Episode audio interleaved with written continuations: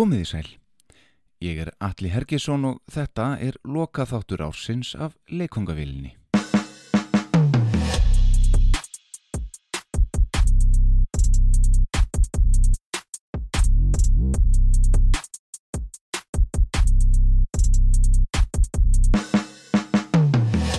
Ég hóf þessa vegferð höstið 2019 og er þátturinn í dag sá 30. og 1. í rauðinni. Hlustuninn á leikfungavélina hefur verið góð í allan þennan tíma eða allavega það góð að ég hef haldið þessu áfram en það finnst mér þetta einnig vera bráðskemtilegt. Ég get með engum móti séð annað en að ég haldi þessu reynlega áfram á nýju ári. Hugmyndi mín var að gera hlaðvarp sem ég myndi langa hlusta á sjálfur Ég hef aðalega verið að fá til mín tónlistarfólk en prófaði mig þó áfram á árinu og fekk til mín fólk sem lítið sem ekkert eru í tónlist. Allt var það frábært fólk sem skilaði skemmtilegum þáttum en niðurstaða mín eftir þessa tilrönn mína er svo að ég ætla að tengja mig engungu við tónlist á árinu 2021 en það liggur áhuguminn helst til þar og ef einmitt áhugin er til staðar verður viðfangsefnið sennilega leikur einn. Í gegnum mesta COVID-tíman hef ég beðið að mestu með gestagang hinga til mín í stúdióið en trúið mér. Ég er búin að læna upp frábærum gestum sem koma til með að heimsækja mig hingað á nýju ári. Á meðan þessari gestapásu hefur staðið hef ég gert nokkra sólóþætti um tónlistarfólk sem ég hef áhuga á sjálfur og eiga það öll sammeilegt að hafa haft áhrif á mig, bæði sem ungan tónlistarmann sem og neytanda tónlistar. Þátturinn í dag er einmitt eitt slíkur. Ég þakka fyrir hlusturina og öll skilabúðin sem mér hafa borist. Það er ótrúlega gaman að fá hrós fyrir það sem vel er gert og jú, einnig skýtsamilegt að fá ábyrtingar um eitthvað sem betur mætti fara. Ég minni þá á Facebook síðu þáttarins og hvet ykkur til að skella læki á hana ef þið hef ekki gert það nú þegar. Þá vil ég benda á að margar hlaðvarpsveitur bjóða upp á stjörnugjafir og ekki væri verra að fá góða engun eða umsögn þar sem það á við. Þá yrði ég æfinlega þakklátur ef þið myndu deila þeim þáttum áfram til annara sem þið höfðu gagn og eða gaman að. Þátturinn í dag er í bóði hins tjekkneska léttbjórs Budweiser Budvar. Þá vil ég aftur skila bestu þökkum til strákana í parkett og gólf sem sköffuðu mér teppi hingað í stúdióið. Ég mæli með þeim fyrir þá sem er að huglega skiptum gólvefni hjá sér. Verslunina Parkett og Golf er að finna við Ármúla nr. 19 í Reykjavík og eru þar á ferð algjöru fagmenn í sínu fægi. Takk fyrir.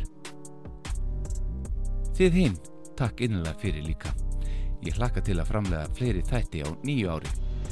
Gleðilega hátið, kæruvinir og megi árið 2021 verða talsvett skarra en helvítið það 2020 var. Ray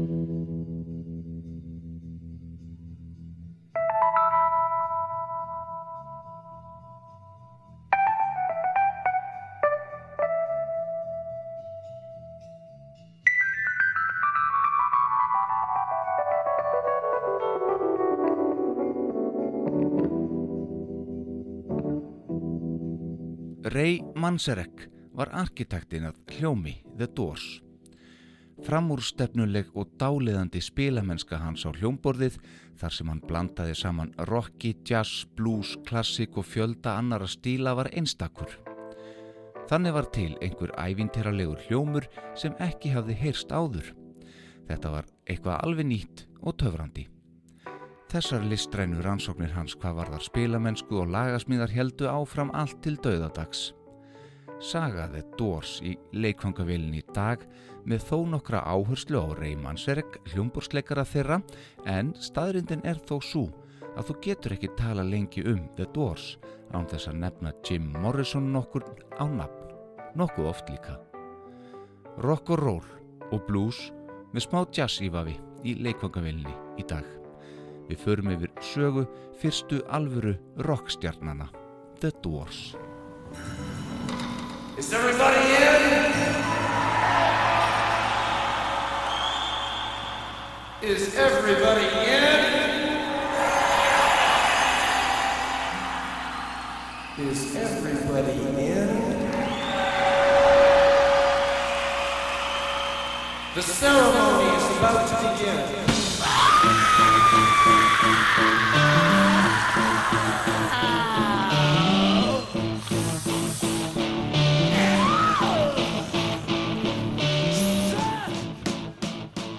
Raymond Daniel Mancharek Jr. fættist í Southside hverfunu í borginni Chicago í Illinois í bandarækjónum þann 12. februar 1939. Raymond, sem við köllum hér eftir Ray, var frumburður hjóna af pólskum uppruna, þeirra Raymond og Helen Mancharek. Raymond og Helen eignuðust síðar tvo drengi til viðbótar þá Richard og Jim. Þegar okkar maður, Ray, var kynntur fyrir píanóinu árið 1946 var hann aðeins sjö ára gamall. Engu staðar og engu tíman byrja allir hinnir sönnu snillíkar sem hafa haft áhrif á okkur hinn að spila hljóðfærin sín. Ray fekk fljótt gífulegan áhuga á píanóinu og var því snögglega farin að sækja í kennslutíma hjá píanókennara sem foreldrar hans höfðu útvegað. Kennari þessi færði rey bókaðgjöf sem hann sótt í raun efni við í að einhverju leiti allavega út sinn feril og þar með allt sitt líf. En fyrstu árin æfði reysi eingöngu með þessa bók sér við hlið. Bókin sem umræðir er litla rauða bókin svo kallaða sem John Sylvanus Thompson gaf út árið 1936 og heitir á frummálunu John Thompson's Modern Course for the Piano. Þessi 85 ára gamla litla rauða bók er enn fáanlega í dag en tal selst hún ennþá nokkuð vel. Sem dæmi þá getur þú fengið hana fyrir rétt tæpa 11 dollara hjá netversluninni Amazon. Á úlingsárunum uppgötveði Ray blues tónlistina og í fyrstu aðhyldist hann þá helst af hinn svo kallað boogie-woogie blues stíl en þennan stíl má heyra í lögum hans út hans feril. Auk þess að falla killi flatur fyrir hráum krafti blúsins prófaði reysi áfram í jazzinum líka áður en hann blandaði þessu öllu fyrirnenda saman við þið eina og sanna rock og roll. Nánarum það hér á eftir. Þegar Rey stundaði nám í St. Rita mentaskólanum byrjaði hann að spila í hljómsveit með bræðurum sínum, þeim Rick og Jim Mancharek.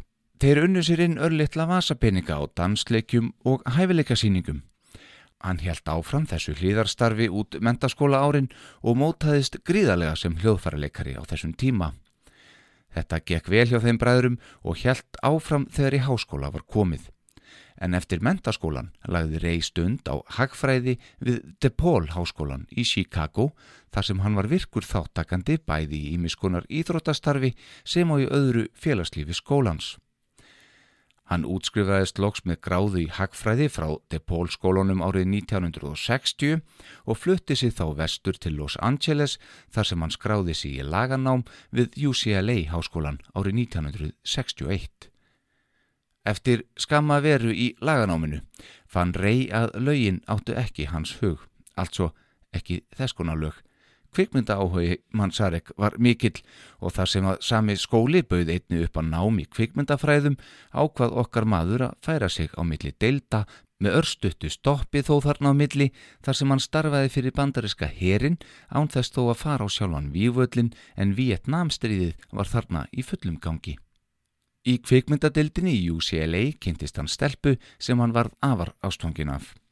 Þar var á ferð hinn japanska Dorothy Fujikawa sem átti eftir að verða eiginkona og lífsförunutur Reyman Sarek út allt lífið. Á þessum sama tíma í þessu kvikmyndanámi í UCLA kynntist Rey dreng, nokkuð lauslega þó sem honu þótti ansi áhugaverður. Sá var fjórum árum yngri en hann og var því nýnemi í þessu sama kvikmyndanámi og Rey útskrifaðist frá með masterskráðu árið 1965. Kynni þeirra rey og þessa unga listræna drengs vörðu ekki lengi í raun í fyrstu og ristu ekki djúft. Úr varða leiðir þeirra skildu þeirra rey kláraði námið. Þessi ungi maður var engin annar en James Douglas Morrison, Jim Morrison. Rey hugsaði lítið um annars þennan áhugaverða drengað náminu loknu. Hann var farin að snúa sér að öðru þegar hér er komið við sögu. Tónlistin átti nú sem fyrr stóran part í daglugu lífi rey og starfaði hann til að mynda í hljómsveit með bræðrónum sínum áfram. Hljómsveit sem þeir kölluðu Rick and the Ravens og var þar vísað til bróður rey, Rick Manjarek, en hann leik á gítar. Trommuleikari Rick and the Ravens var fimm árum yngre en rey og hétt John Densmore. Densmore hafði verið í hljómsveitinni The Psychedelic Rangers á samt gítarleikarunum Robbie Krieger áður en hann gekti liðs við Rick and the Ravens. Ray og John Densmore náðu vel saman og urðu vel til vina. Saman stunduðu þeir á samt kærustu Ray henni Dorothy mikið af ímiskunar andlegri íhugun og þá auðvitað í sannkvöldluðum heipa anda en það heipa tímabilið fræga þarna að hefjast fyrir alvöru. Þegar ég segi í heipa anda þá meina ég í hippaanda. Rey fór ekki lengt með það, reynd aldeilis ekki, hvað hann og John Densmore voru að reykja á þessu tímabili. Þetta sagðan í viðtali sem tekið var við hann árið 1998. En hvað um það? Dag 1 árið 1965 Um einum og hálfu mánuði eftir að Ray útskrifaðist frá kvikmyndanáminni UCLA var hann við íhugun sína á Venice-ströndinni í Los Angeles þegar hann hitti á ný og fyrir tilvilun þegar hann unga og áhugaverða dreng úr skólanum, sjálfan Jim Morrison. Eins og áður sagði hafði Ray lítið hugsað til hans eftir námið og bjóst hann ekkert endilega við að hitta hann aftur. Hvað þá að þeir myndu síðar skapa saman allt það sem eftir kom og við tökum hér á á eftir. Á þessum degi og við í ströndinni sagði Jim honum frá því að hann væri með fulla bók af ljóðum sem hann hefði samið. Og það sem meira væri, þá eitt hann einnig fjölmörg lög sem hann hefði verið að dunda sér við að semja. Rey vildi endilega fá að heyra eitthvað eftir hann Jim settist að ströndina, gróf höndunum í sandin og söng nokkuð feimin þó fyrir hann Moonlight Drive. Þetta ljóð og hvað þá flutningur þess hjá sjálfum Jim Morrison gerði Reyman Sarek kjáftstopp. Hann vildi fá að heyra meira og nú var til í pókárnunu hjá Jim sem held áfram og fór með og söng nokkur í viðbútt fyrir Rey þarna á ströndinni þennan síðsumarsdag árið 1965. Ray lagði til að Jim myndi mæta á æfingu með hljómsittinni sinni Rick and the Ravens sem hann gerði. Úrvarð að bandið mætti í World Pacific hljóðverið í Los Angeles þann annan september 1965. Þanga voru þeir mættir til að hljóðrita nokkur lög með þessum eigu að segja nýja söngara sínum hinnum unga og hæfileikarika Jim Morrison en fram að þessu höfðu þeir bræður Rey og Rick Manzarek séð að mestu um söngin.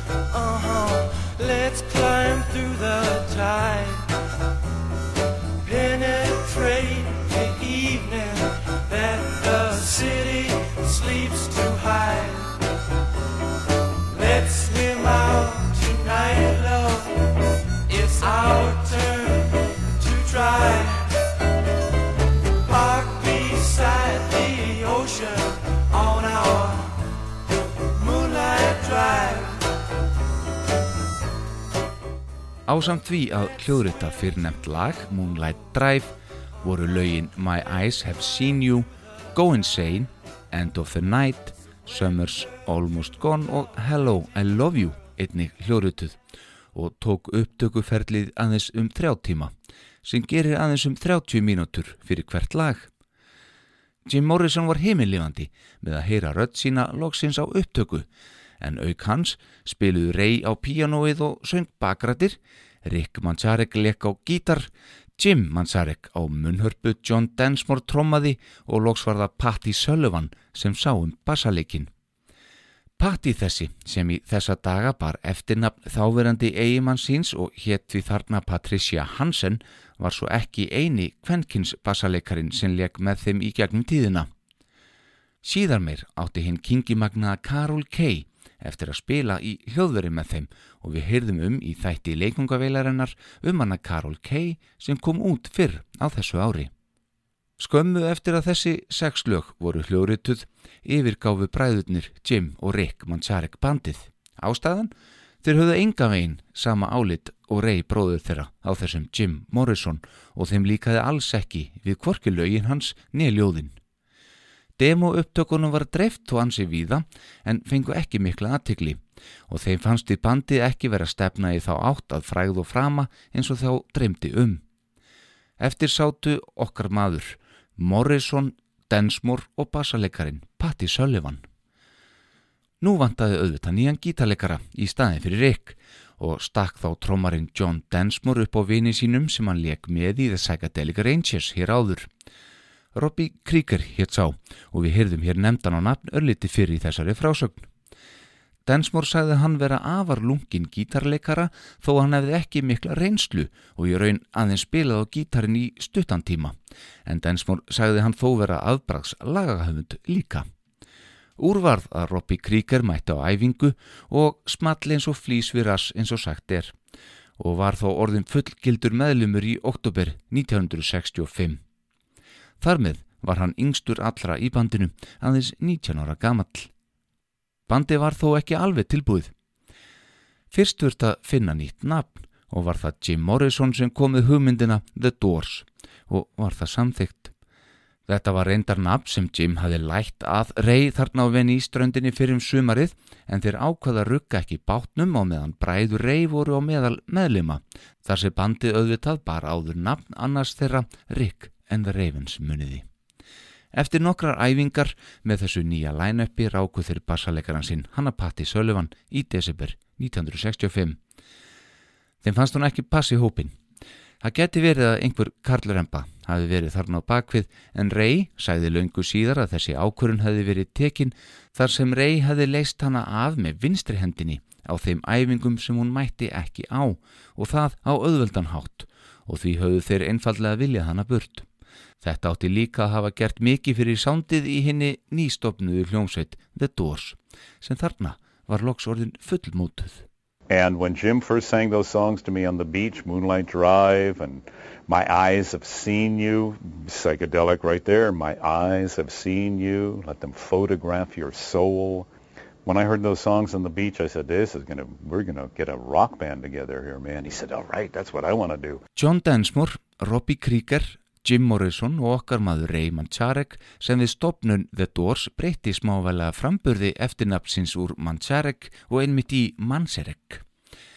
Strax í upphafi næsta árs, 1966, fengu The Doors sitt fyrsta gig ef svo mætti kalla. Þeir urðu einfallega húsbandið á næturklubnum London Fog við Sunset Strip í Los Angeles þar sem þeir leku oft í viku í nokkra mánuði. London Fog var frekar sóðalugu staður í hálgerðri nýðurnýslu og var ekki beinti vinsalisti klúpurinn í LA. Þó spurðist þetta nýja band hratt út og fleiri og fleiri hófa venja komur sínar á staðin til að heyra í þeim og ekki síður til að berja augum þennan frontmann, Jim Morrison, sem allir voru að tala um. En Jim hafði þarna komið út úr skelinni sem nokkuð feimin náungi og hlétrægur sem fannst erfitt að koma fram á sviði fyrir fullum sala fólki og var orðin einn og sér að heilmiklu sjói sem fólk talaði um og aðrir vildu sjá. Rey hefur síðar sagt að það var þarna á London Fog sem hlutinni fór að gerast fyrir alvöru. Töfratnir urður hinnlega til á sviðinu á London Fog. Þar þróuðust þeir saman sem band og lögin þeirra fór að taka á sér rétta mynd og nefndi hann þar lögin góðu The End og lægið sem nýji gítarleikarin hann Robbie Krieger samti og kom með í bandið hið fræga Light My Fire. Ekki langt frá London Fog var annar klúpur sem meðlumum The Doors í raun dreymdi um að spila á. Það var að veruleika þegar að auknar vinseldir þeirra urðu til þess að forsvarsmenn Whiskey A Go-Go buðu þeim svipaðan samning og þeir höfðu verið með hjá London Fog. Dark little sleazy holes on the Sunset Strip. The London Fog, a place of ill repute. But then we played at the Whiskey A Go-Go just up the street from the London Fog and we were the house band for the year 19, uh, summer of 1966. Whiskey A Go-Go er staður sem margóft hefur komið upp í þessum þáttum hjá mér og er það á bucketlistónum mínum að kíkja þangað einn daginn og helst að fá spilaðar hreinlega. En staðurinn sem líst hefur verið sem stökkpalli gríðarlega margra hljómsvita sér til frama er nefnilega ennþá til og er enn í fullu fjöri. Ég hvet ykkur til þess að kynna ykkur sögu Whiskey a Go-Go og ef þið eigið leiðum LA að kíkja við. Miðvíkudagskvöldið 10. ágúst 1966 þegar The Doors stóð á sviðinu á Whiskey Go-Go gekk þangað inn maður hann rafni Jack Holzman. Jack þessi var stopnandi og yfirmaður elektra útgáðurisans. Hann hafði að sjálfsögðu haft veður af því að það var þarna nýtt band að gera allt vittlust í LA. Band með sérstaklega góðan og öðruvísi hljóm og svo þennan frábæra og allt öðruvísi frontmann sem vanalega sneri baki í áhörfundur á tónleikum á þessum tíma. Unga fólki var að elska þetta. Jack þurfti ekki að heyra mikið til að sannferast en hann ákvað þó að koma aftur nokkrum kvöldum síðar og taka þó með sér upptökustjóran Paul A. Rothschild til að meta þetta band með sér. Það er ekki að spyrja því. Paul fjall fyrir þeim líka og ákveði var að bjóða The Doors samning hjá Elektra Records sem þeir skrifuðu svo undir þann 18. ágúst 1966. Aðeins rúmri viku eftir að Jack Holzman sá þó fyrst en svona gengur vist kaupin og eirinni í þá daga. Þess má geta hér að meðlimir The Doors hafa ávalt verið gríðarlega þakkláttir fyrir framlag Jack Holzman til bansins síðan þarna og sem dæmi þá var það John Densmore trommuleikari The Doors sem held ræðuna þegar að Jack Holzman var sjálfur vigðurinn í fræðarhöll Roxins Rock'n'Roll Hall of Fame árið 2011 fyrir sitt framlag í sögu Roxins Presenting Jack Holtzman with our second Ahmet Erdogan Award. Here's Rock'n'Roll famer from The Doors, John Densmore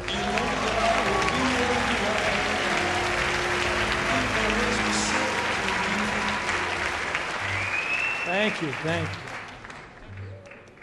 Without Jack Holzman, Jim Morrison's lyrics would not be on the tip of the world's tongue. Without Jack Holzman, I wouldn't be here. Well, actually, it's Jack's ears. Jack has great ears. Without Jack Holzman's ears, Ray Manzarek's uh, catchy keyboard licks would not be in your vocabulary. Robbie Krieger's liquid guitar solos. So, what did Jack see in us? I think he saw the same thing I did in the doors. Hello, I love you, won't you tell me now? It was a fusion of rock, day destroys the night, night divides the day, jazz, classical. Doom, doom, doom. Keep your eyes on the road, your hand, the blues, and a touch of flamenco. Ole. On top of that, you had this very poetic dude who looked like Michelangelo's David, Mr. Morrison. Only Jim brought another ingredient Aðeins þremur dögum eftir að The Doors skrifðu undir samningin voru þeir svo reknir frá spilamennsku á Whiskey a Go-Go. Það var fyrir ósæmilega hegðun og framkomu Jim Morrison á sviðinu sem og orð sem hann létt flakka sem viðbútar texti í læginu því end og margir kannast eflust við þessi orð sem söguna þekkja lítillega. Ég ætla ekki endilega að fara með þessi orð Morrison hér en það er óætt að segja að þau fjallu alls ekki í kramið hjá forsvarsmönnu a Go-Go. Hlutinni gerðust hratt þarna hjá Dós því þann 24. ágúst og nú þremur dögum eftir að þeim var sparkað út af klúpnum voru þeir mættir í Sunset Sound hljóðverið til að hefja upptökur á þeirra fyrstu breyðskifu. Paul Rothschild sá um upptökustjórnina en honum til aðstór var hljóðmaðurinn Bruce Botnick. Paul fannst ekki virka nægilega vel í öllum lögunum nú þegar í hljóðverð væri komið að Ray myndi spila bassan á Fender hljómborðið, þó það hefði ávalt virkað vel á tónleikum.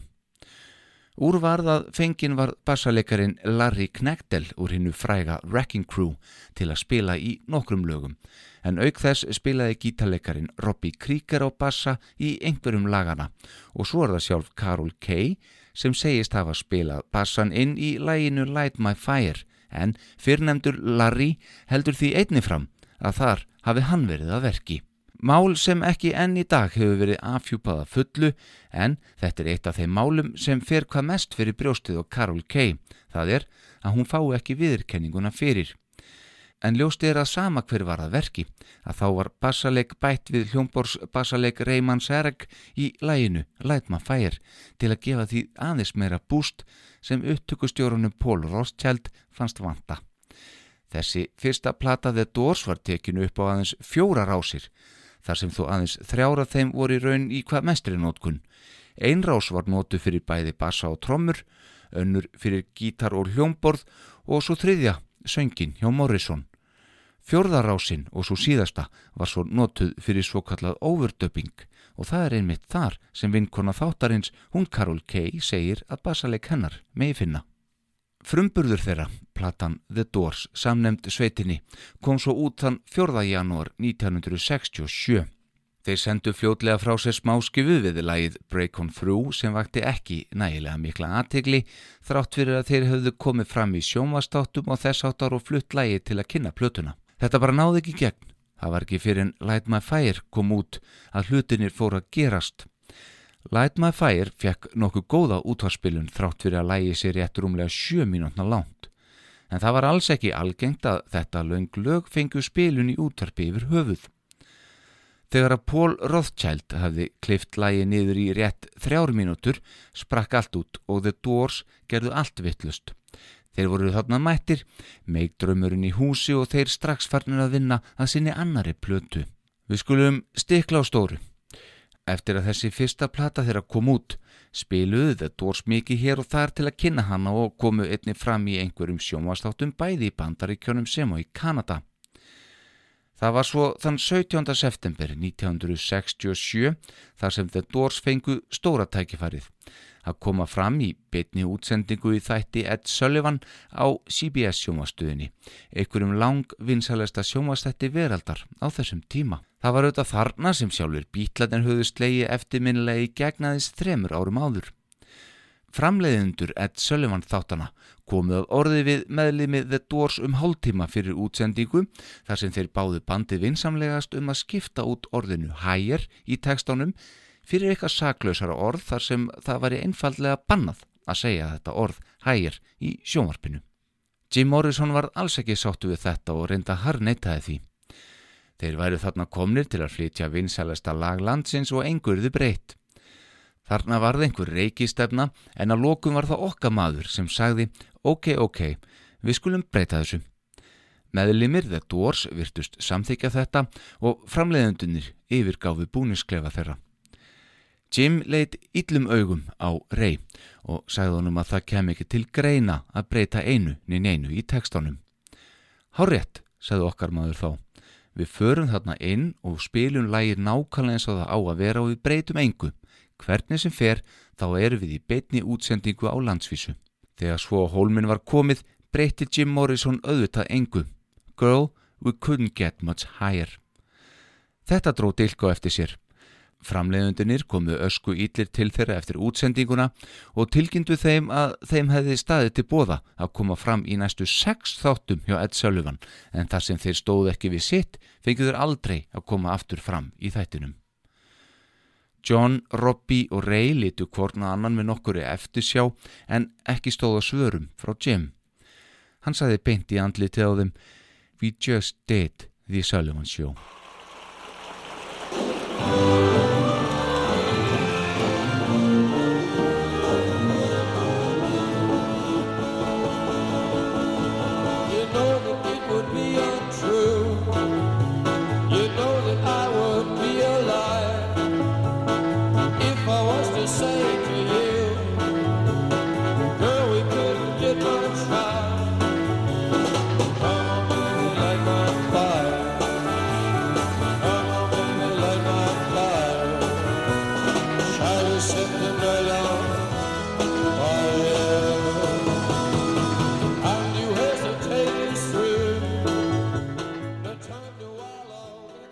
Talandi um að hlutinir hafi gengið hratt fyrir sig hjá The Doors þá kom önnur breyðskjöfa þeirra út aðeins örfáum dögum eftir framkomið þeirra hjá Ed Sullivan.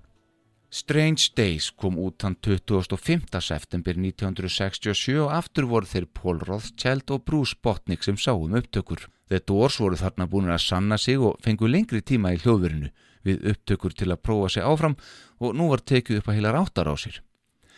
Aftur fengu þeir til liðs með sér bassaleikara til að gefa upptökunum meiri fyllingu og nú var það bassaleikarin Douglas Luban. Strange Days inni heldur mörg góð lög en auk titillagsins má þar finna til dæmis klassikina People Are Strange, hina 11 mínútna snild When the Music's Over og svo lægið af Venice-ströndinni síðan þarna ári fyrr þegar þeir Ray og Jim hittust á ný, lægið sem þeir hljóðrituðu svo sem demo á samt Rick and the Ravens, Moonlight Drive. Strange Days fekk fínar viðtökur frá aðdáðandum og seldist vel.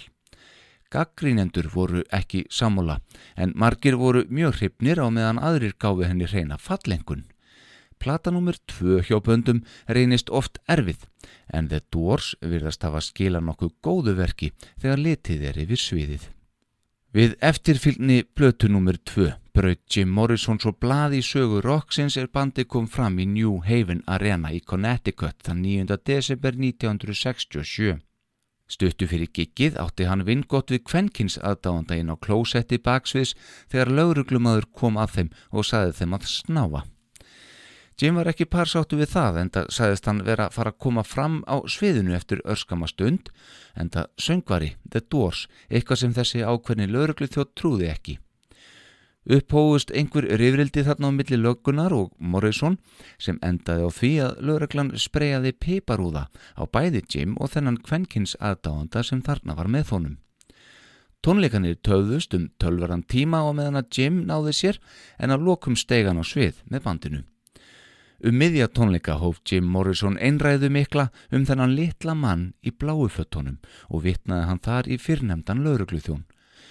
Nú þegar var zero tolerance fyrir Jim Morrison á hálfu lauruglunar og þar sem hann neitaði að hætta skít út lauruglunar þarna á sviðinu var þann fyrsta rockstjarnan til að verða snúi niður og handtekinn á sviðinu á miðjum tónleikum.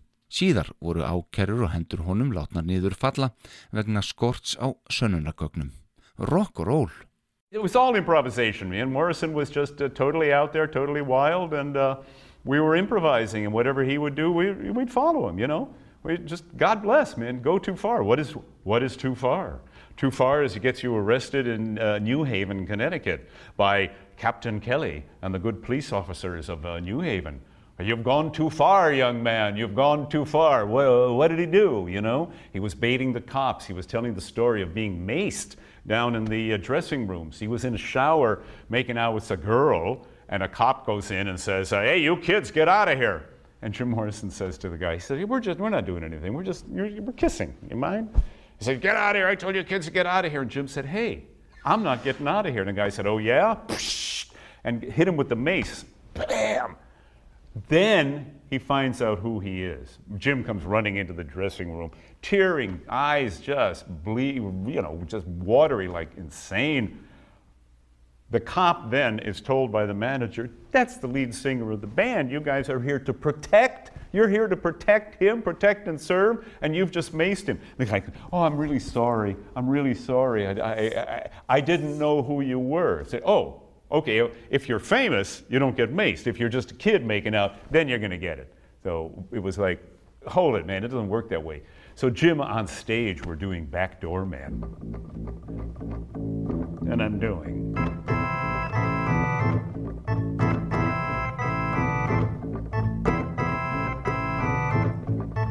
Just over and over. And Jim starts to tell the story about, he said, let me tell you what just happened to me downstairs. And, you know, he tells the whole story about being maced and their, their motto is protect and serve. And one by one, they start to turn. And they're looking, they're in front of the stage and they're looking at us, are looking at the audience. They start to turn and look at Jim. And there they were, man, the bulls, the thick guys, thick necks, making double time, working night, working a rock and roll show, a lot of fun. Maybe you'll get to whack a few kids, a few teenagers. If you can hit a couple of long hairs, even better. And then Morrison saying, the little blue man in a little blue hat, the little blue pig.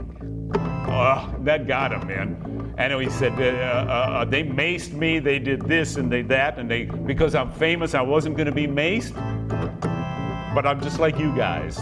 I'm just like you guys, man. He did it to me.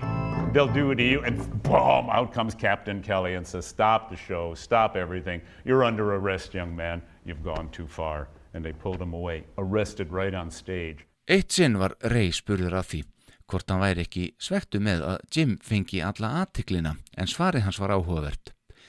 Jim fær langmestu aðtiklina, það er fínt. Hann átti alltaf að verða röddinn og ég tónlistin, en þú mátt ekki gleyma að aðtiklin er ekki alltaf góð. Jim fær þetta allt. Þetta viðböraríka ár í lífið The Doors meðlima var senn á enda og Ray Manzarek og Dorothy Fujikawa gengu í hjónabandi í loka ársins er þau giftus í ráðhúsinu í Los Angeles borg þann 21. desember 1967 og var svaramaðurinn auðvitað sjálfur Jim Morrison og kæristan hans, hún Pamela Corson, var brúðar mei. Lítið og látlust brúðköp þar á ferð sem fagna var af þeim fjórum á mexikanskum veitingastadi í miðborg LA að aðtöfn lokinni. Nýtt ár gekk í garð en strax um mánaðamótin janúar-februar 1968 fóruð The Doors ennoni í hljóður og upptökur hófust á þreyðju plötu þeirra. Aftur var sama krúið á bakvið þá, Elektra Records gáfu út og Paul Rothschild og Bruce Botnick sá um upptökunar. Bandi hafði túrað mikið á liðnu ári á samt því að senda frá sér tvær hljóðversplötur eins og áður kom fram og því lítið til af nýju og spennandi efni frá þeim að mati útgáfinar og upptökustjórnans Paul. Þá voru The Doors þarna á toppi ferilsins en Jim Morrison var farin að mistnota allverulega bæði áfengi og eiturlift þegar hér komið í sögum. Morrison vildi ólmur að lægið eða öllu heldur verkið Celebration of the Lizard erði því tekið upp og sett á þessa þriðju plötu þeirra en þetta lag er yfir 17 mínútur að lengt. Rothschild var ekki hrifin af þessari hugmynd og hinnir meðlemi bansins voru efins. Þó var reynd að telja í þetta verk og fanga snildina en þeir höfðu margóft spilað þetta á tónleikum. Allt kom fyrir ekki. Þetta gekk ekki upp og hætt var við þessi áform. Jim ekki til mikillar ánægu. Þá týndu meðlemi til eitthvað að lögum fyrir plötuna til að standa við samningin sinn við Elektra. Þeir leituðu aftur í Rick and the Ravens demoin og dustuðu það rikið af læginu Hello, I Love You sem átti eftir að verða hittari plötunar og eitt af vinsalustu lögum The Doors. En lag þetta þótti ansi líkt læginu All Day and All of the Night með hljómsveitinni The Kings og lágu málaferli gegn The Doors í loftinu lengi vel af hálfu útgefanda þeirra en það var sjálfur Ray Davies söngvari, gítarleikari og aðar lagahöfundur The Kings sem stoppaði það af. Jim Morrison átti þá lægið Love Street á lagar en það er lag sem hann samti til hennar Pamilu sinnar einhverju fyrr og loks nóðuðu þeir saman í þið frábæra lag The Unknown Soldier. Bara svona svo eitthvað sem nefnt. Þriðja platan þeirra, Waiting for the Sun, kom svo út 3. júli 1968 og við tók mikill túr bæði í bandaríkjörnum sem og í Evrópu. Reyndar var fyrsti viðkomustadur The Doors utan bandaríkjana reyndar nokkru fyrr þegar þeir félagar tóku sér pásu frá upptökunum og flugu til London til að koma fram á tónleikum á samt Jefferson Airplane í Roundhouse í London þann 9. júni eða mánuð áður en Waiting for the Sun kom út. En Evropatúrin sem fyldi útgáfu plötunar gekk svo ekki áfallalust fyrir sig. The Doors voru stattir í Amsterdam í Hollandi þegar að Jim Morrison dó í fyrsta skiptið. Eins og áður sagði var Morrison orðin ansi langt leitur í neistlu að þessum tíma á meðan The Doors voru að hápunkti fræðarsinnar og vinselda. Það er 7. september 1968 og The Doors eiga að stíga á svið strax á eftir Jefferson Airplane sem er að klára sitt sett. Jim Morrison leipur inn á sviðið hjá Jefferson Airplane og stígur all trilltan dans á meðan að bandir spilar. Í þessu mikla hamagangi fellur hann niður á sviðinu og sínir ekkert lífsmark vegna ofnistlu fíknihefna. Þá bæði vegna mikillar hasnistlu sem og pillu áts en ofan í það gleifti hann mikið magn af áfengi. Líka með Morrison þóldi þetta ítla en eftir að hann var borin baksvis var læknir kallaður til þar sem Morrison síndi ekkert lífsmark. Hann andaði ekki. Í raun var hann látin Læknirinn hóf endurlífgun á staðnum og kallað var á sjúkrabíl. Morrison var fluttur beint á sjúkrahús og þar var hann einfallega endurlífgaður. The Doors hættu þó ekki við tónleikana og spiluði því þessa tónleika í Amsterdam sem tríó, þar sem okkar maður, Ray, sá um söngin. Heyriði bara, þetta er upptaka frá fyrrnemdum tónleikum.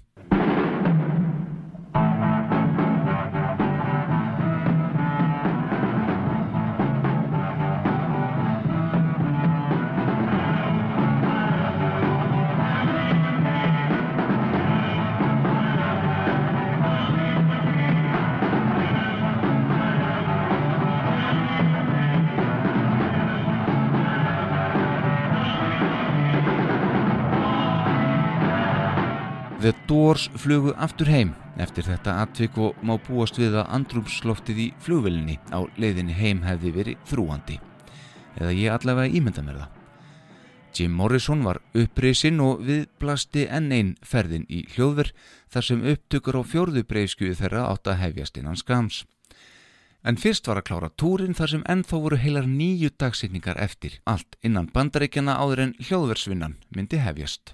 Fjórðaskífan leitt svo dagsins ljós 18. júli 1969.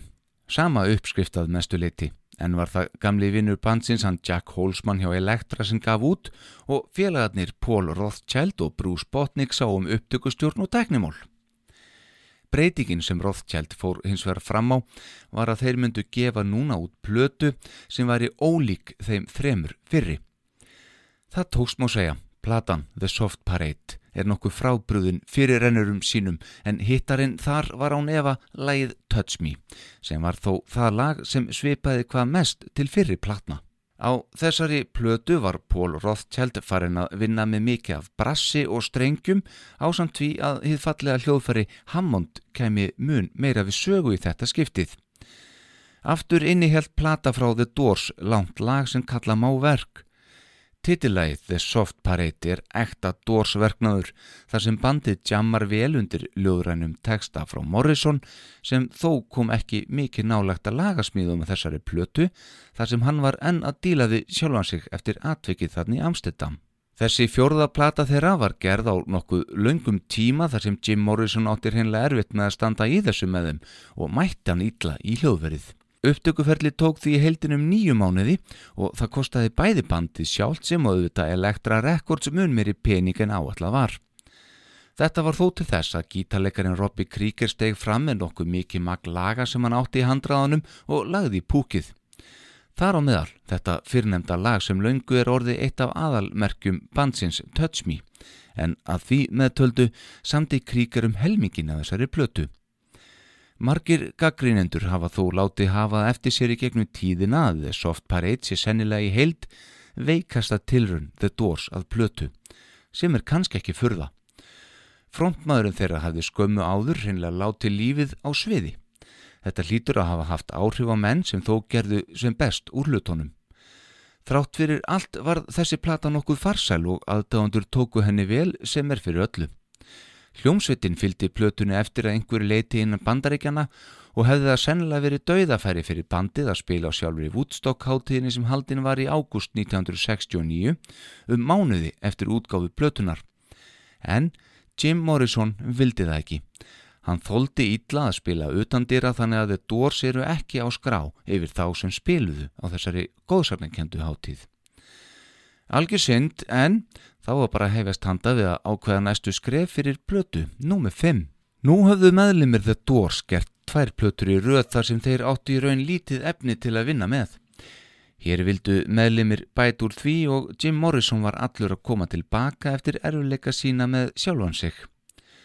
Upptökur hófust í nóvember 69 og þrátt fyrir allt byrjuð ekki vel.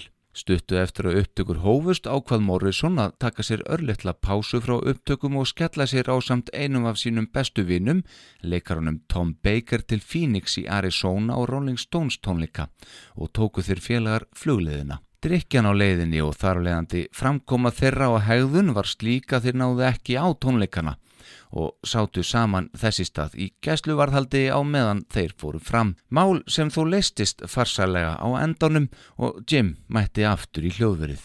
Hann var annarkvort höfundur eða meðhöfundur allra laga á plötunni. Platan geymir lög eins og hittara plötunar, Roadhouse Blues sem og önnur frábæra lög og má þar nefna Waiting for the Sun, Peace Frog og svo auðvitað Indian Summer sem er reyndar upptakað síðan þeir tóku upp sína fyrstu plötu, samnemndri hljómsveitinni. Þetta lag þótti einfallega ekki henda nægilega vel á fyrstu plötu þeirra en þarna smelt passaði það. Í þessu lagi má heyra frábært samspil á milli söngs Morrisons og gítarleiks Robbie Krieger. Algjörlega frábært stöf. Á framhlið plötunar má sjá bandið saman komið á mynd tekna innum gluggan á hóteli sem í alvöru hétt Morrison Hotel og var við South Hope Street í miðborg Los Angeles. Bandið fekk ekki leifi fyrir myndatökunni og var starfsmæðurinn í lobbyunu. Plataður í burtu á meðan þeir félagar lætu sér inn og ljósmyndarinn Henry Diltz smelti af mynd í gegnum klukkan. Á baklið albúmsins má sjá bandið fyrir framann annan stað í LA, pínulítið kaffihús sem bar það magnað á stóranabn Hard Rock Café. En það á þó ekkert skilt við Hard Rock Café eins og við þekkjum það í dag. Hins vegar er nafn þessara veitingastada sem er út um allan heim dregin af baklið þessarar fymtu plötu The Doors, Morrison Hotel. Hún kom út þann 9. februar 1970.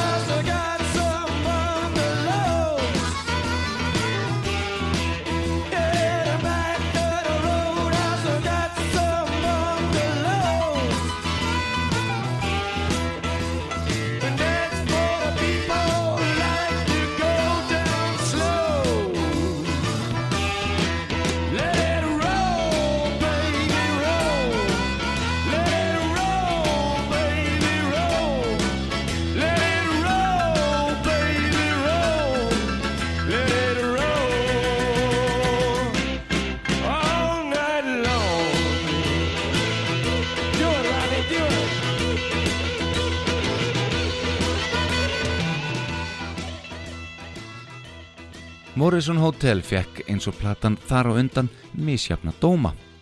Aðdáðandur tóku henni vel heilt yfir en gagnrínandur voru aftur ekki á sama máli.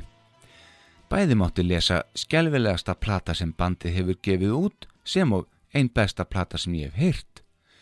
Meðmælin verða sannlega ekki meiri. Mar á ekki hitt í marka öllum stöðum en sagan hefur leitt sikvaði ljós hvað þetta varðar. Ekki sett. Eftirfylgnir plötuna var þó eftir en búið var að útýsa The Doors frá mörgum tónleikastöðum sögum framkomu Jim Morrison sem ekki þótti við hæfið þess tíma og má þar nefna resa tónleikahallir bandaríkjana eins og Salt Palace í Salt Lake City og Cobo Hall í Detroit. En þessar hallir hefðu hendað The Doors afravél sögum stærðarinnar sem sveitin hafði náð meðal almennings. Sögum þessa leituðu þeir utan landsteinana og fengu gott gig á hátíðinni Isle of Wight Festival í Englandi sem haldi var í loka ágúst ári 1970. Þar komu þeir fram á samt fjöldunum af öðrum tónlistarmönnum. Hljómsveitum eins og Jimi Hendrix, The Who, Jethro Tull og Joni Mitchell. Næstu tvær plötur voru öðrisi en þær sem komu út þetta sama ár.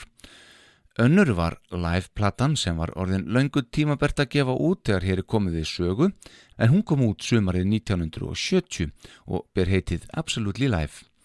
Hún geymir meðal annars lægið langa og góða sem við myndumst á hér fyrr, Celebration of the Lizard. En hinn platan var einni laungu tímabær. Best of platan 13 kom út í november og var þar Jack Holzman hjá Elektra Records að miða á jólasöluna það árið. Nafnið 13 var tilvísun í það að platan geymir jú 13 lög. Platan gerði það sem hún átt að gera, það er að hýfa upp jólasöluna 1970.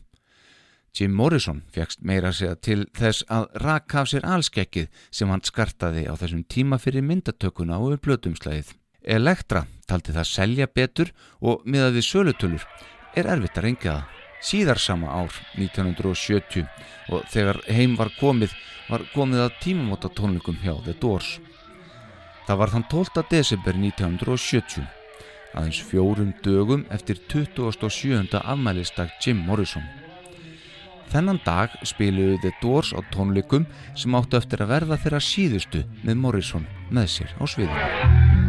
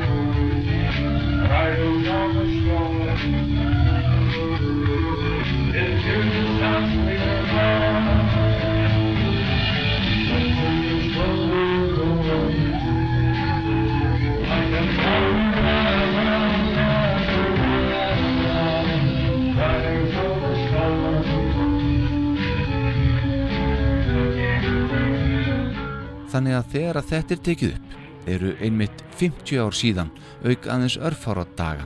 Þetta var á stað sem var einn af aðal tónleikastöðunum í New Orleans á þeim tíma og hétt The Warehouse. Jim einfallega fór yfirum á þessum tónleikum. Hann var oft djöð nálætti en þarna sleft hann sér alveg ofullkomlega. Hann satt síðustu lögin fyrir framann trómusett John Densmore og átti erfitt með að halda haus og hvað þá að syngja en þessi stað barði hann mikrofónstandinum í golfið ítrykkað þar til að stór sá á sviðinu auk þess að gera hluti sem rey einfallega man ekki eftir að hafa séðan gera áður. Þetta verður raun fyrsta skipti sem okkar manni Reymann Serek blöskraði yfir því sem hann sá á sviðinu. Eftir tónleikana voru þeir hinnir þrýr, Mannsarek, Densmore og Kríkar samála um það að þetta hefði verið þeirra síðasta gig með Morrison þar sem hann varði alfarið farin að þeirra mati. Hann hefði gott af því að hætta ofinberum framkomum að fullu í það minsta þar til hann var búin að ná tökum á lífi sínu. Útarstöðar voru hættar að spila lög þeirra, tónleikabókanir hættu að berast og plötubúðir tóku plötur þeirra úr sölu. The Doors voru svo sannlega í heilt ornir bannvara.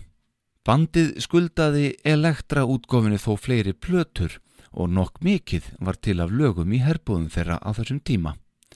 Ákveði var að hendast í hljóðverið til að taka upp þessa sjöttu breyðskifu þó vitað værið að erfittir það að fylgja henni eftir sökum núverendi stöðu.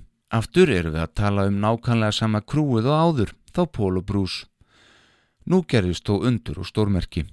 Við undibúning plötunar lendi meðlimum bandsins saman við Pól Rothschild sem var til þess að Pól sagði starfi sínu lausu og skildi bandi eftir á samt Brús Botnik í þann mund þegar að upptökunar voru að hefjast. Þetta var vist listrætt ágreiningur í grunninn.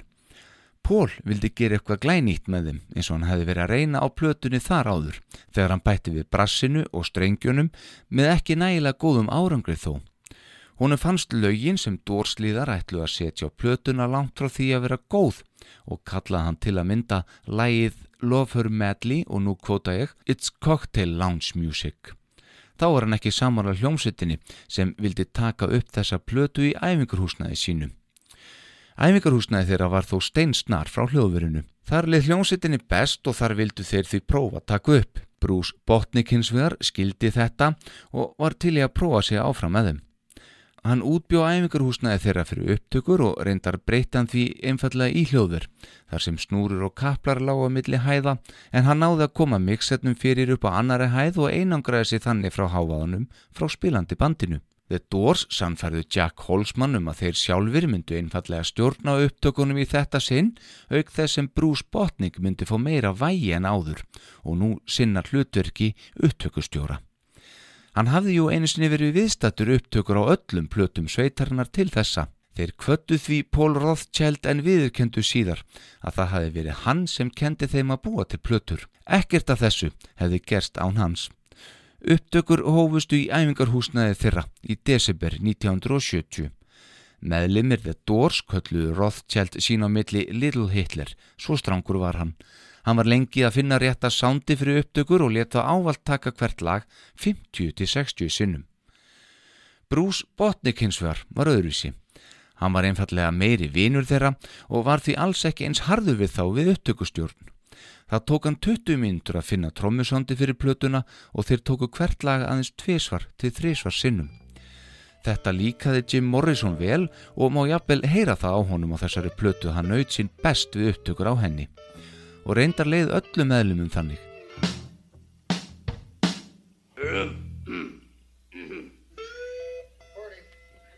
Now let's take two. let's take. All right, let's get serious now. Well, I've been down so goddamn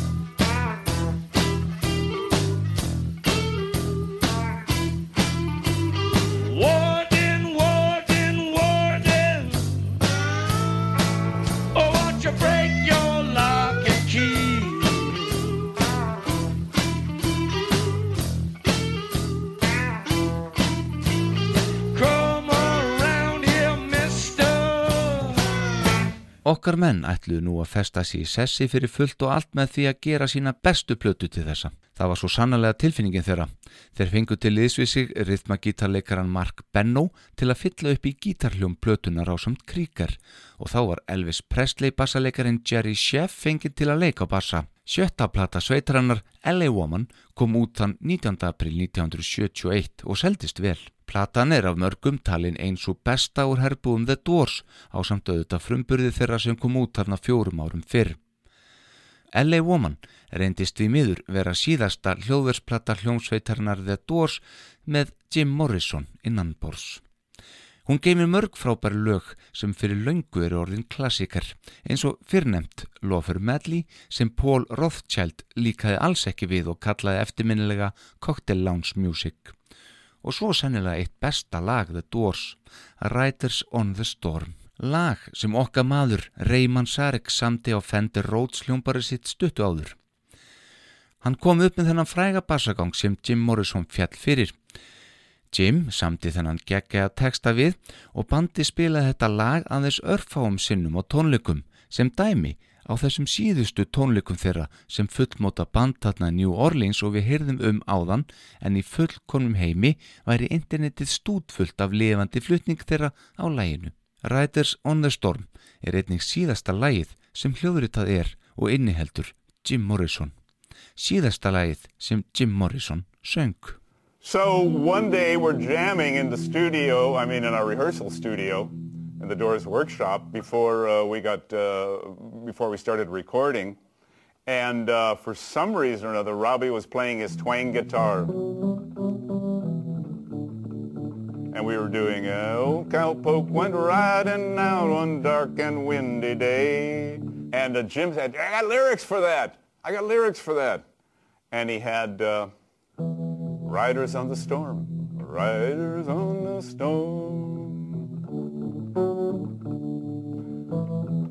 Said, wait, wait, okay, that's great, man. Riders on the storm. We can't, but we can't do to, we can't do Vaughn Monroe, uh, the old cow poke run, riding out one dark and windy day.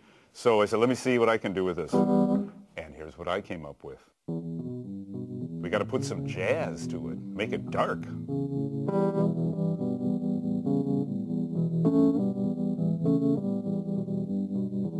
And sure enough, this is what happened.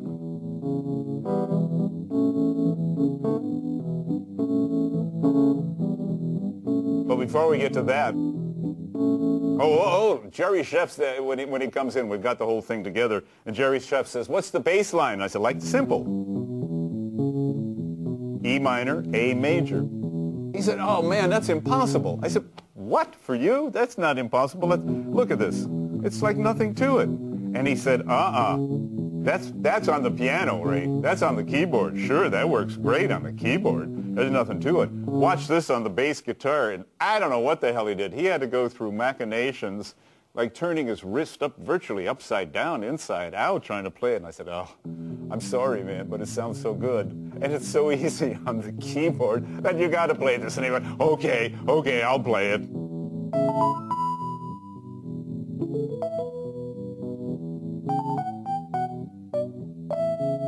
And here's the rain part.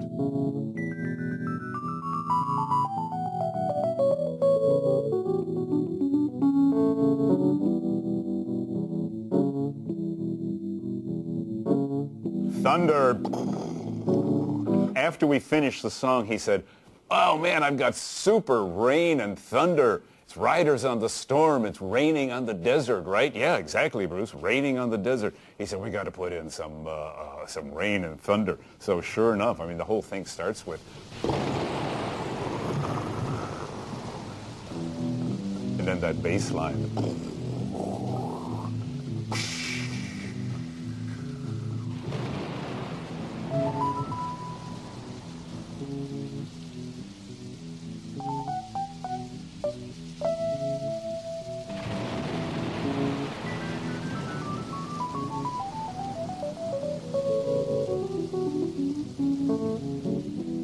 Another one.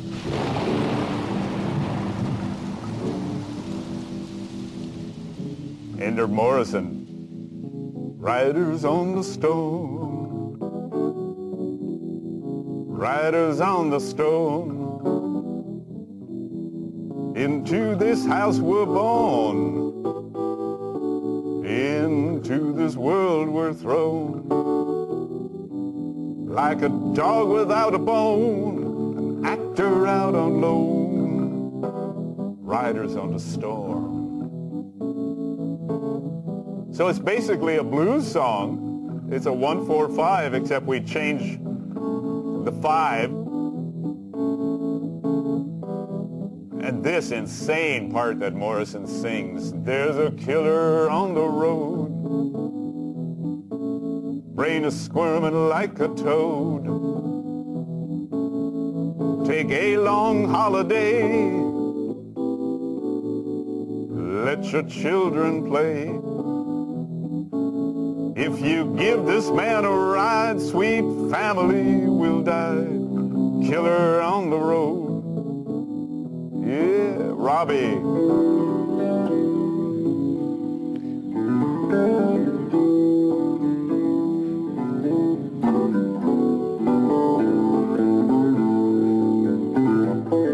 Vibrato guitar.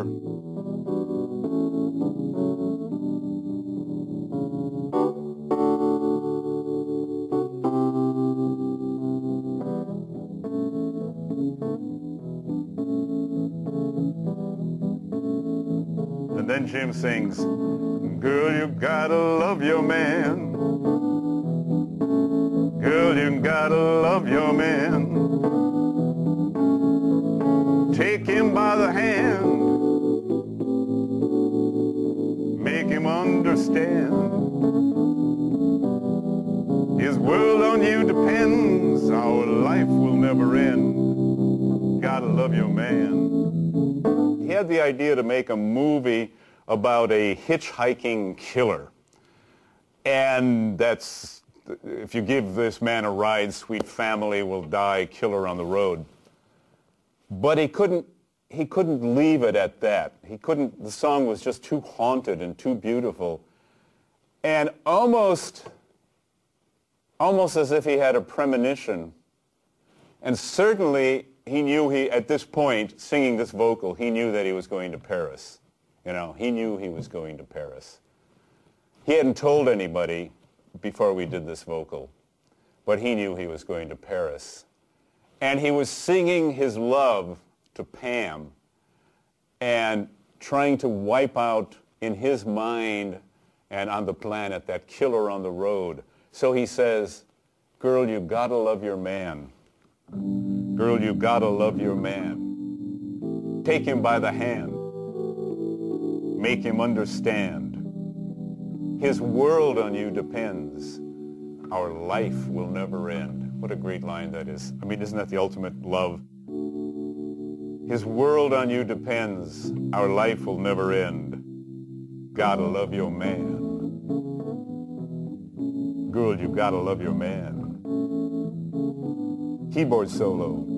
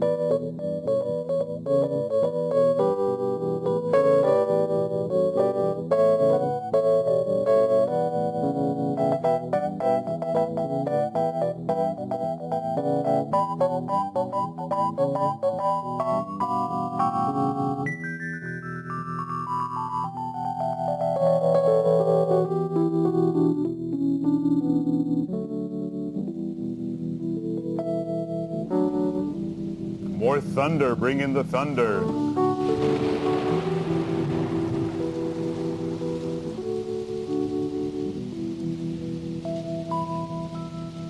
Then Densmore kicks it in again. And we're back on the highway. Riders on the stone. Jim's back in. Riders on the stone. House we're born. Into this world we're thrown. Like a dog without a bone. An actor out on loan. Riders on the storm. Robbie plays some great guitar.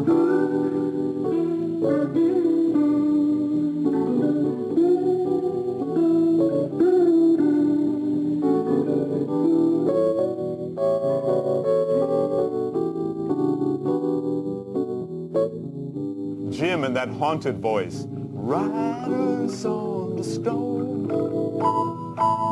Riders on the stone. Riders on the stone.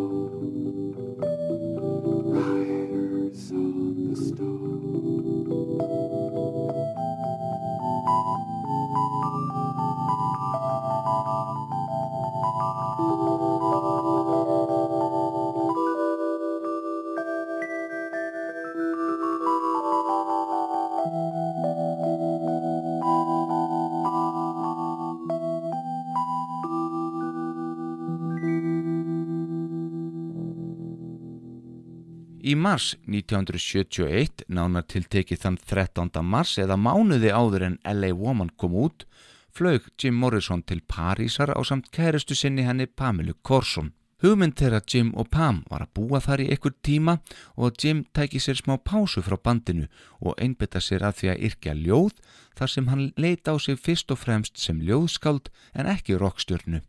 En þó líka til að forða sig frá mögulegri fangelsisvist vegna ósæmilegra framkomi á tónleikum en þegar hér er komið við sögu var Jim Morrison farin að sæta rannsókn að hálfu FBI sem leita á hann og hljómsveitina The Doors sem ógn við samfélagið vegna framkomi söngvarans á tónleikum. En einnig vegna umfjöllunar efni þeirra í mörgum af textum hans sem þóttu frekar pólitískir á köplum. Ray kvatti vinsinn Jim eindreiði til þess að fara til Parísur og finna sjálfan sig. Forða sig frá drikkjufélögum sínum sem tóku allt og miklu orku frá honum að mati Ray. Farðu njóttu lífsins með henni Pamelu, en samband þeirra tveggja var orðið frekar stormasamt þegar hér er komið sögu.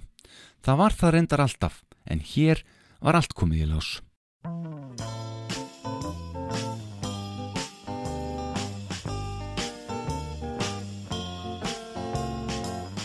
She lives on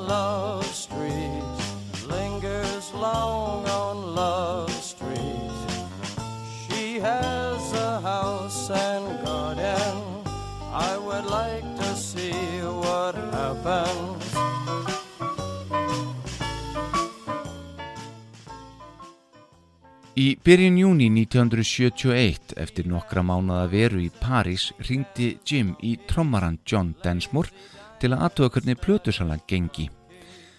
Þegar að John sagði honum að nýja platan væri að seljast gríðarlega vel, hlakkaði Jim mikið til að koma heim og spila hann á tónleikum og nefndi hann þar helst Riders on the Storm.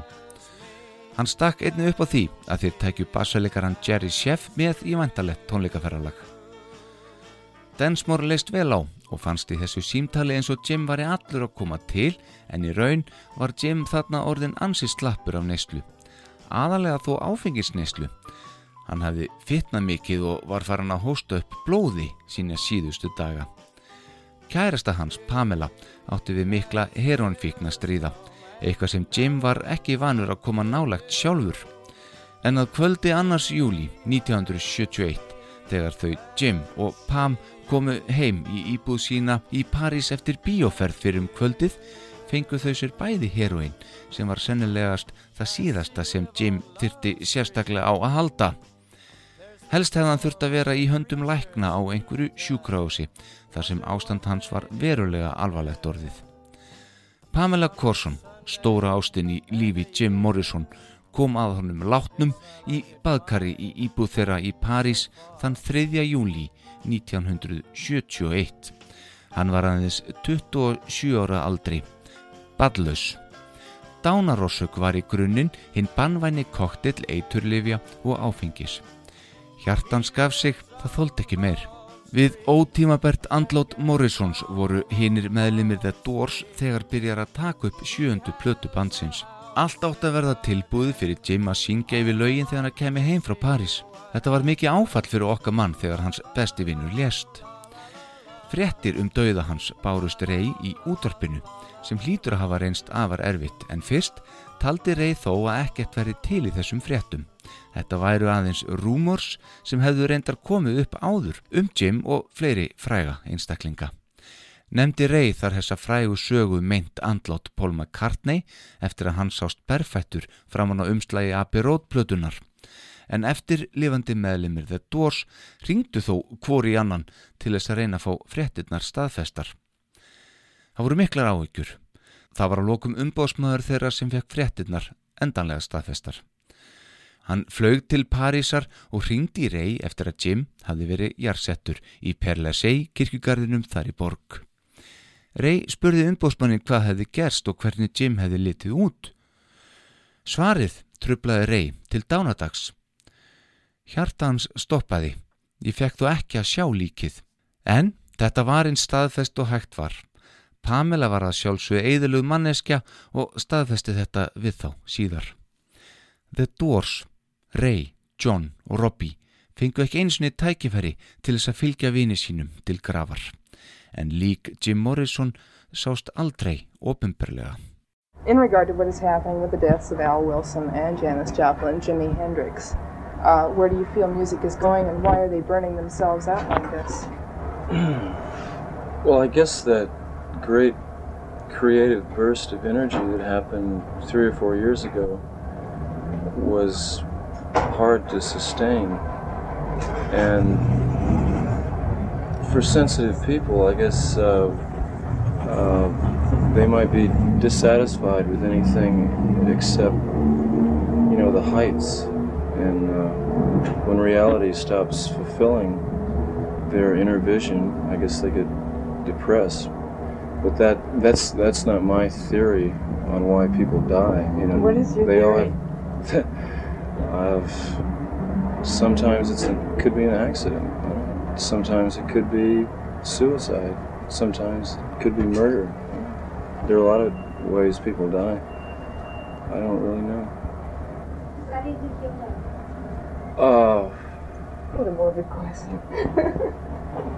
I hope at about age uh, 120 with a sense of humor and a nice, comfortable bed with. No, I wouldn't want anybody around. I just want to quietly drift off. I think uh, I think science has a chance in our lifetime to conquer death. I think it's very possible. Well, if it did, what would happen to the spirit world? Well, they just have to fend for themselves. Leave us poor immortals alone. Þrátt fyrir þetta var ákveðið að taka upp og loks gefa út plötuna en okkar maður ásamt Robbie Krieger sáu þó um söngin í staðin fyrir Jim.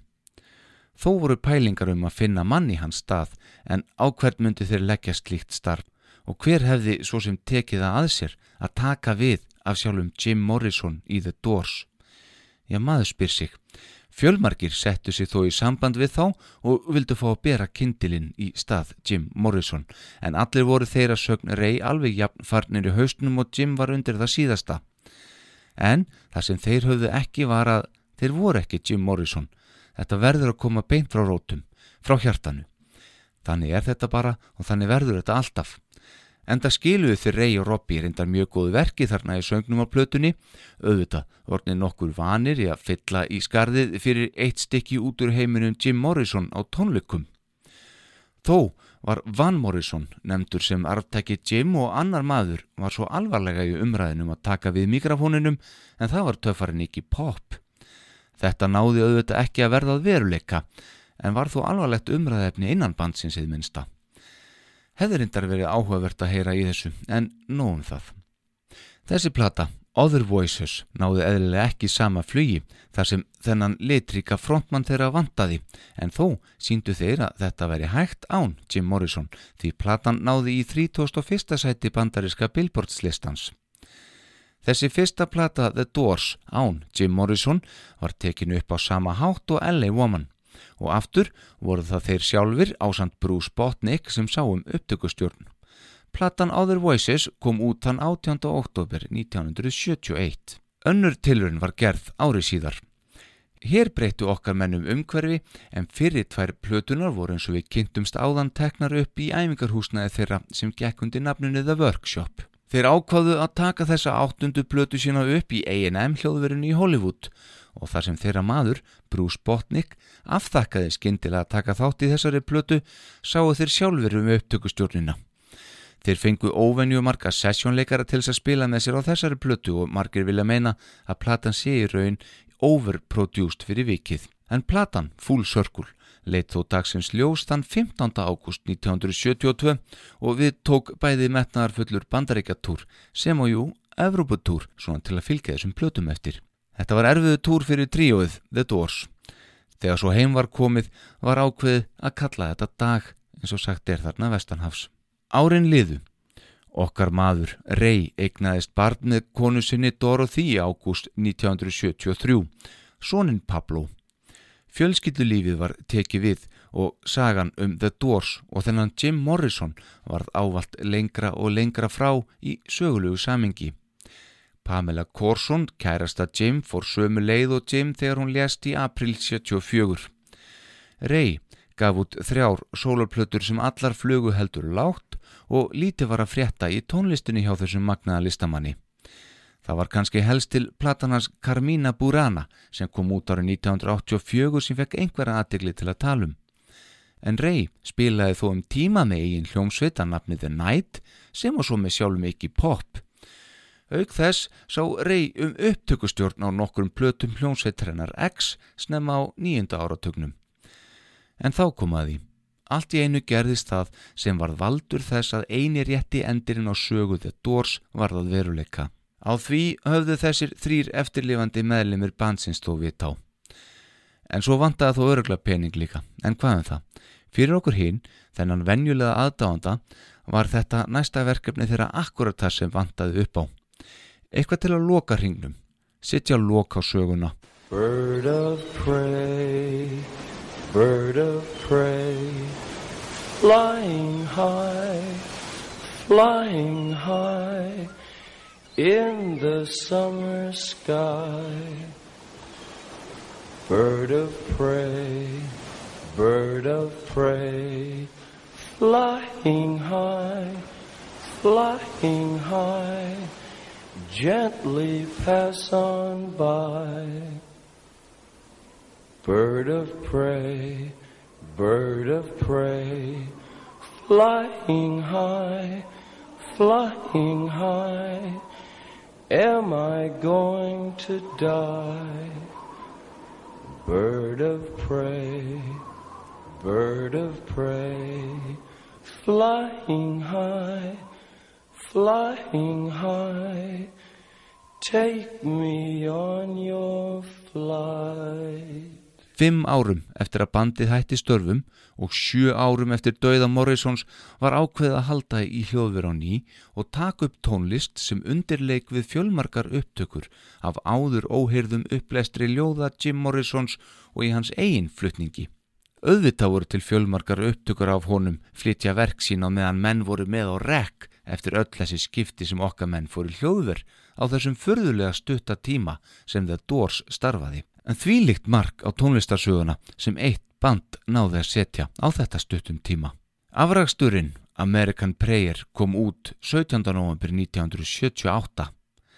Gamli upptökustjórin þeirra, Paul Rothschild, sagði viðtalið eftir útkomu plötunar og þarna væri hreinlega verið að nöðga Jim Morrison. Hann væri búin að heyra megnið af þessum gömlu upptökum eftir sinn tíma með bandinu og þetta hefði alls ekki verið það sem Jim var að fara með þessu. Gott og vel, Unduritaður getur vel ímynda sér að sjálfur Jim hefði ekki verið sáttu við eitthvað af tónlistinni sem spiluð er undir ljóðum hans á þessari plötu. Má þar nefna að í einu af þekktustu lögum þessarar plötu, Ghost Song, fáum við að heyra örliti af Slappas sem er eitthvað sem við tengjum alls ekki við The Doors og hvað þá Jim Morrison. En þá skulum við muna að árið var 1978 Diskóið réði öllum og það náða að tróða sér inn í fjöldanallan af lögum hjá ótrúleustu hljómsveitum.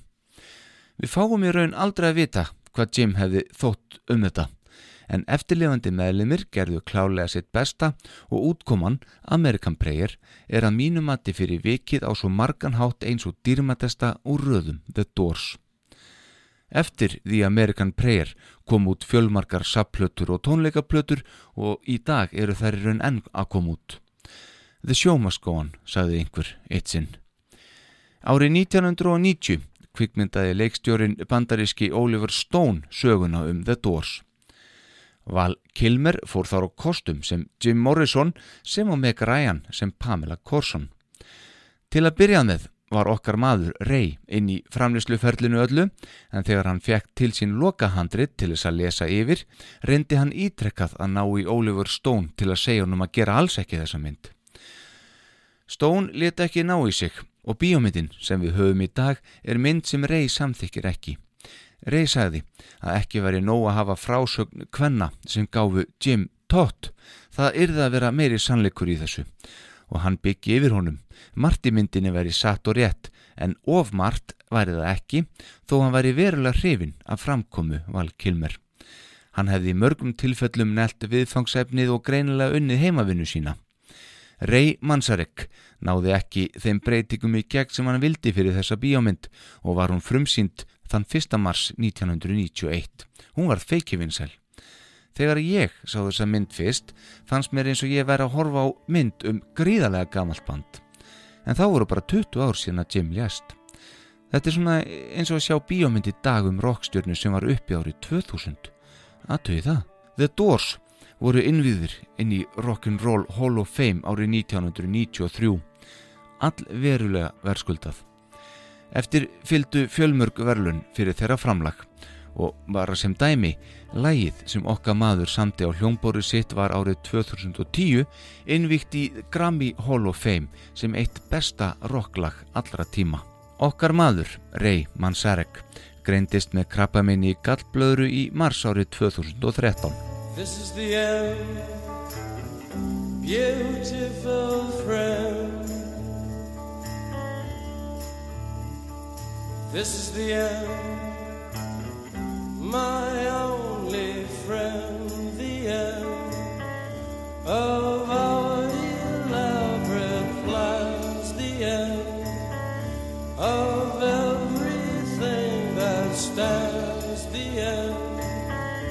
no safety or surprise. The end. I'll never look into your eyes again.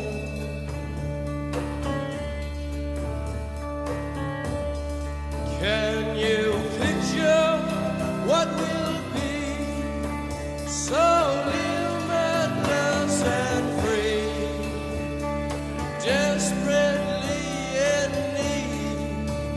some stranger's hand in a desperate land.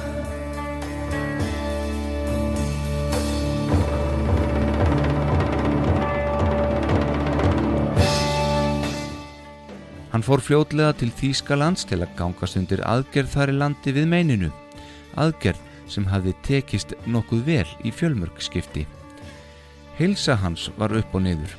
Kona hans, Dorothy, var með við för sem hans helsta stóð og stitta og rey talaði reglulega við Robbie Krieger í síma af sjúkrahúsinu. Þá sættist hann við John Densmore í gegnum síman. Því Ray og John Densmore trommari höfðu þarna eldað saman grátt silfur sem er réttur sem ég mæli alls ekki með að vinir eldi. Allt út af leiðindarmáli sem ég í alvöru nenn ekki úti hér.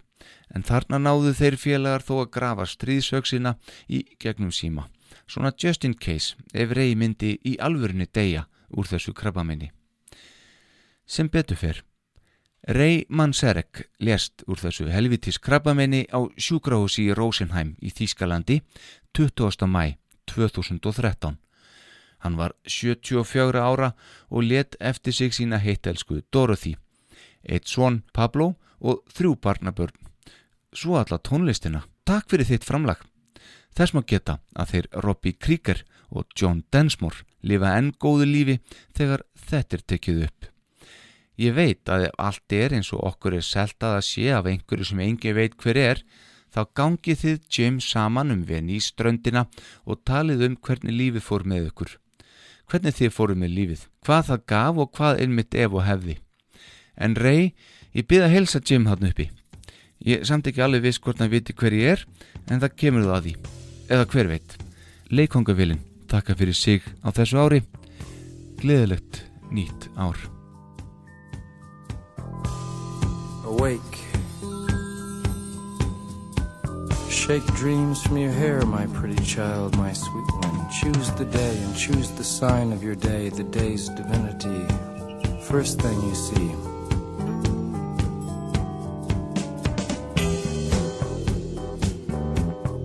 Vast, radiant beach and cool, jeweled moon.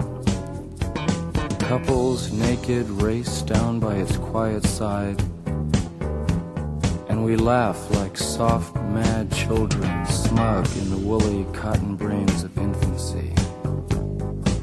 The music and voices are all around us.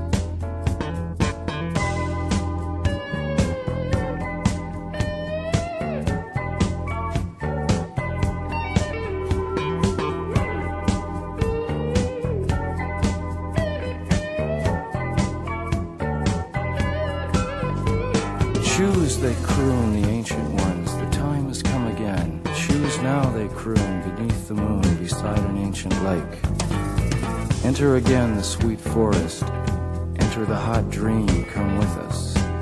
Everything is broken up and dances.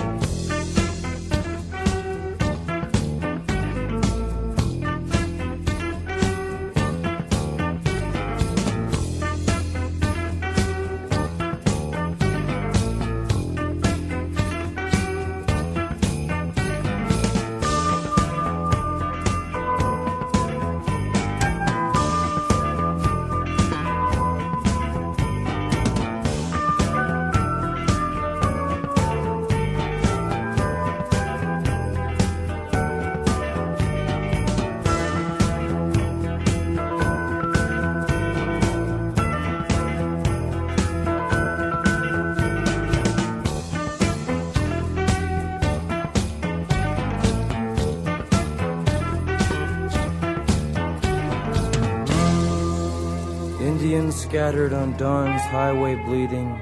Ghosts crowd the young child's fragile eggshell mind. We have assembled inside this ancient and insane theater to propagate our lust for life and flee the swarming wisdom of the streets.